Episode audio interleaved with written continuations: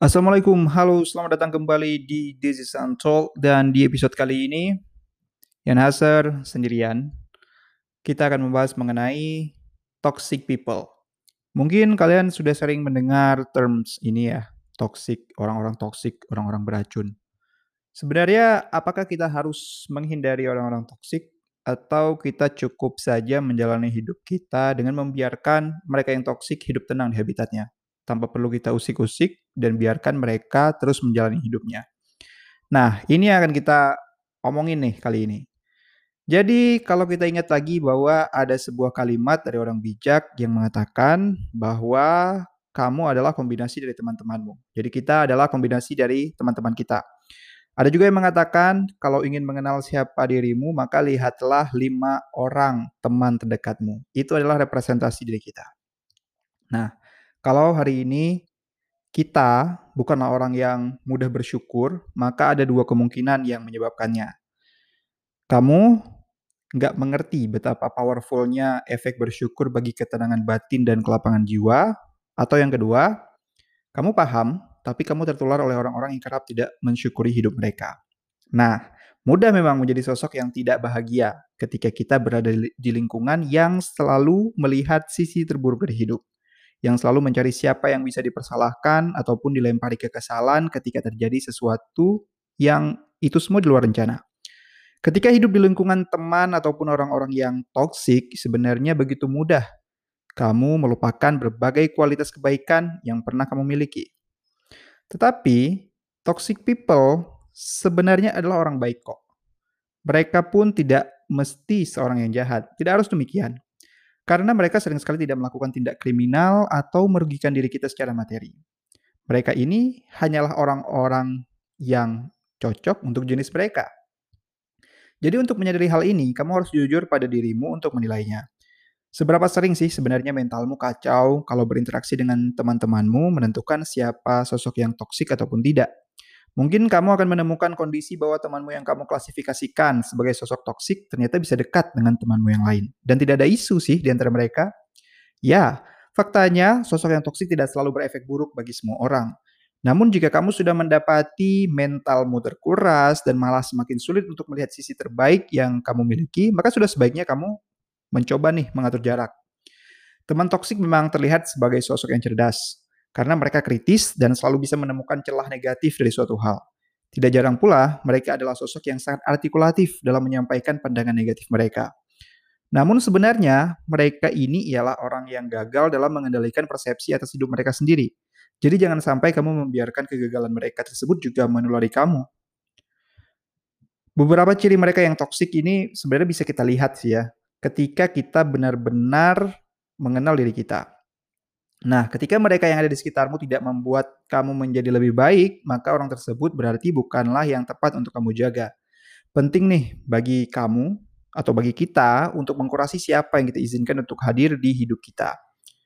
Dan untuk mengetahui secara tepat siapa yang harus kita keep dan siapa yang harus kita berikan jarak, berikut nih ada caranya ada panduan untuk menilai ciri-ciri sosok toksik yang kerap hadir di hidup kita. Dan ini sudah saya coba nilai seobjektif mungkin, sehingga saya rasa ini dapat membantu kamu jika kamu bingung untuk memilih mana teman yang toksik dan mana yang bukan.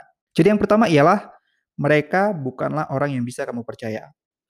Seberapa sering sih temanmu tidak menghargai waktu yang kamu miliki merupakan salah satu pertanda bahwa mereka memiliki karakter toksik. Ketika kamu sering diabaikan dalam urusan waktu atau justru membuat dirimu lebih sering menyediakan waktu bagi mereka, maka sebenarnya ini merupakan pertanda bahwa mereka merupakan sosok yang manipulatif. Coba ingat lagi, berapa kali kamu janjian dengan seseorang yang kamu anggap teman atau rekan kerja, kemudian mereka selalu membuatmu menjadi sosok yang menghabiskan waktu berjam-jam untuk menghangatkan, maaf, pantatmu demi menunggu mereka. Jika kamu pernah menyampaikan hal tersebut dan kemudian mereka tetap berbuat demikian, maka lebih baik tidak usah lagi terlalu meluangkan waktu bagi mereka. Ingat, hal paling berharga yang dapat kamu berikan kepada seseorang sebenarnya adalah waktu. Karena kamu tidak bisa mengembalikan kembali tiap detik yang sudah terlewat. Yang kedua, kamu tidak menikmati waktu bersama mereka. Jika kamu merasakan lebih zen, lebih tenang, dan sangat bergembira ketika mereka membatalkan rencana, maka itu pertanda bahwa kamu sebenarnya selama ini berada dalam lingkungan toksik. Kenapa kamu tidak menikmati waktu bersama mereka? Mungkin karena mereka suka judging, tidak hanya mengenai dirimu, tapi juga pada semua hal. Mereka suka menilai sesuatu yang tidak 100% mereka pahami kebenarannya dan kamu paham betul mengenai hal tersebut. Jika mereka suka memberikan penghakiman pada dirimu, terlebih hanya mengarahkan pembicaraan pada aspek negatif yang kamu punya, maka sudah pasti kamu tidak akan merasakan kenyamanan di sisi mereka. Inilah saatnya kamu memasukkan mereka ke dalam DOT atau daftar orang toksik. Yang ketiga, mereka diam-diam menjadikanmu kompetitor utama. Yang ketiga, mereka menjadikanmu kompetitor utama. Orang-orang toksik yang terlanjur menjadi temanmu tidak akan terang-terangan mengakui hal ini di hadapanmu.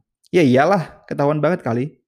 Tapi cara mereka ialah dengan terus mengikuti hidupmu diam-diam, kepo, sok ramah nanya-nanya, tapi kemudian di belakangmu keinginan mereka ialah untuk menginjakmu dengan berbagai cara. Karena bagi mereka, kamu merupakan teman yang harus dikalahkan. Milestone mereka yang toksik ialah ketika kamu berhasil dikalahkan. Tapi di lain kesempatan, mereka akan mengatakan tepat di depan mukamu bahwa mereka tidak menjadikanmu saingan, tapi bertolak belakang dengan keinginan di hati mereka. Dan ini dapat terlihat jelas seiring waktu. Kalau kamu ingin melihatnya, cobalah terus menjaga hubungan dengan mereka yang toksik. Yang keempat, secara tidak langsung mengcopy dirimu. Setelah mereka menjadikan kamu sebagai kompetitor utama ataupun benchmark dalam hidupnya, selanjutnya mereka mulai berusaha menjadi dirimu tapi tidak langsung secara 100% sama. Mereka akan mengcopy mulai dari gaya berbusanamu, kendaraan yang kamu miliki, bahkan kalau perlu preferensi pasangan. Inilah kenapa tidak jarang pertemanan toksik akan mengarah pada saling sikut karena kamu pada awalnya tidak menyadari hal ini dan kemudian sedikit shock. Wah, anjir ya, kok jadi mirip gue? Tapi kalau sudah terlambat, ya lebih baik kamu coba tunjukkan dirimu yang baru saja, karena mereka juga pasti akan mengikuti. Selamat, kini kamu punya secret admirer. Namun, pemuja rahasiamu ini lebih baik kamu buang saja ke laut. Yang kelima, mereka yang kelima, semuanya adalah tentang mereka. Mereka tidak pernah mau tentangmu. Mereka hanya akan bercerita tentang berbagai hal mengenai diri mereka sendiri. Bagaimana rezeki mereka melimpah ruah karena sering melakukan berbagai kebajikan. Bagaimana mereka dirugikan oleh orang lain. Betapa mereka saat ini penuh cinta karena baru menikah dua tahun dan saat ini lagi hamil anak keenam. Orang-orang toksik selalu berusaha membuat mereka disukai dan secara tidak langsung membuatmu terlukai karena mereka tidak berpikir dari sisimu. Keenam, mereka menjadikanmu alasan untuk memanipulasi dirimu. Ini merupakan hal paling samar yang bisa kamu rasakan. Sosok toksik akan kerap menjadikanmu sebagai salah satu alasan ketika mereka akan melakukan sesuatu yang menguntungkan mereka dan melemparkan kegagalan pada dirimu. Jika mereka kerap menjadikanmu alasan terhadap kegagalan yang terjadi dari rencana hidup mereka dan bahkan sampai menyeret orang lain yang kamu cintai dalam pusaran tuduhan mereka, maka sudah tidak dapat diragukan lagi. Mereka memang memiliki niat untuk memanipulasi dirimu dan mereka memang 200% toksik. Sekarang, caranya ialah marilah untuk lebih mengenal diri kita. Salah seorang psikolog yang kerap warawiri di dunia self-help, Perpetua Neo, mengatakan bahwa tubuh manusia pintar sih dalam merasakan jika ada sesuatu yang salah dalam diri kita setelah menjalani relasi toksik. Jika kamu tiba-tiba merasakan energimu seperti habis terhisap dan sepertinya ada sesuatu yang salah, maka tubuhmu sudah mengirim sinyal bahwa mental dan pikiranmu mulai terpapar racun oleh mereka yang toksik. Kalau sudah begini, maka lebih baik kamu mencari rekan-rekanmu yang memiliki good vibes sajalah daripada makin lama makin nyiksa. Menemukan yang sevibrasi memang tidak mudah, namun bukan berarti tidak dapat dilakukan. Ketika kamu semakin sadar orang-orang seperti apa yang ingin kamu tarik ke dalam hidupmu, maka perlahan sosok tersebut juga akan semakin terlihat. Jadi, kali ini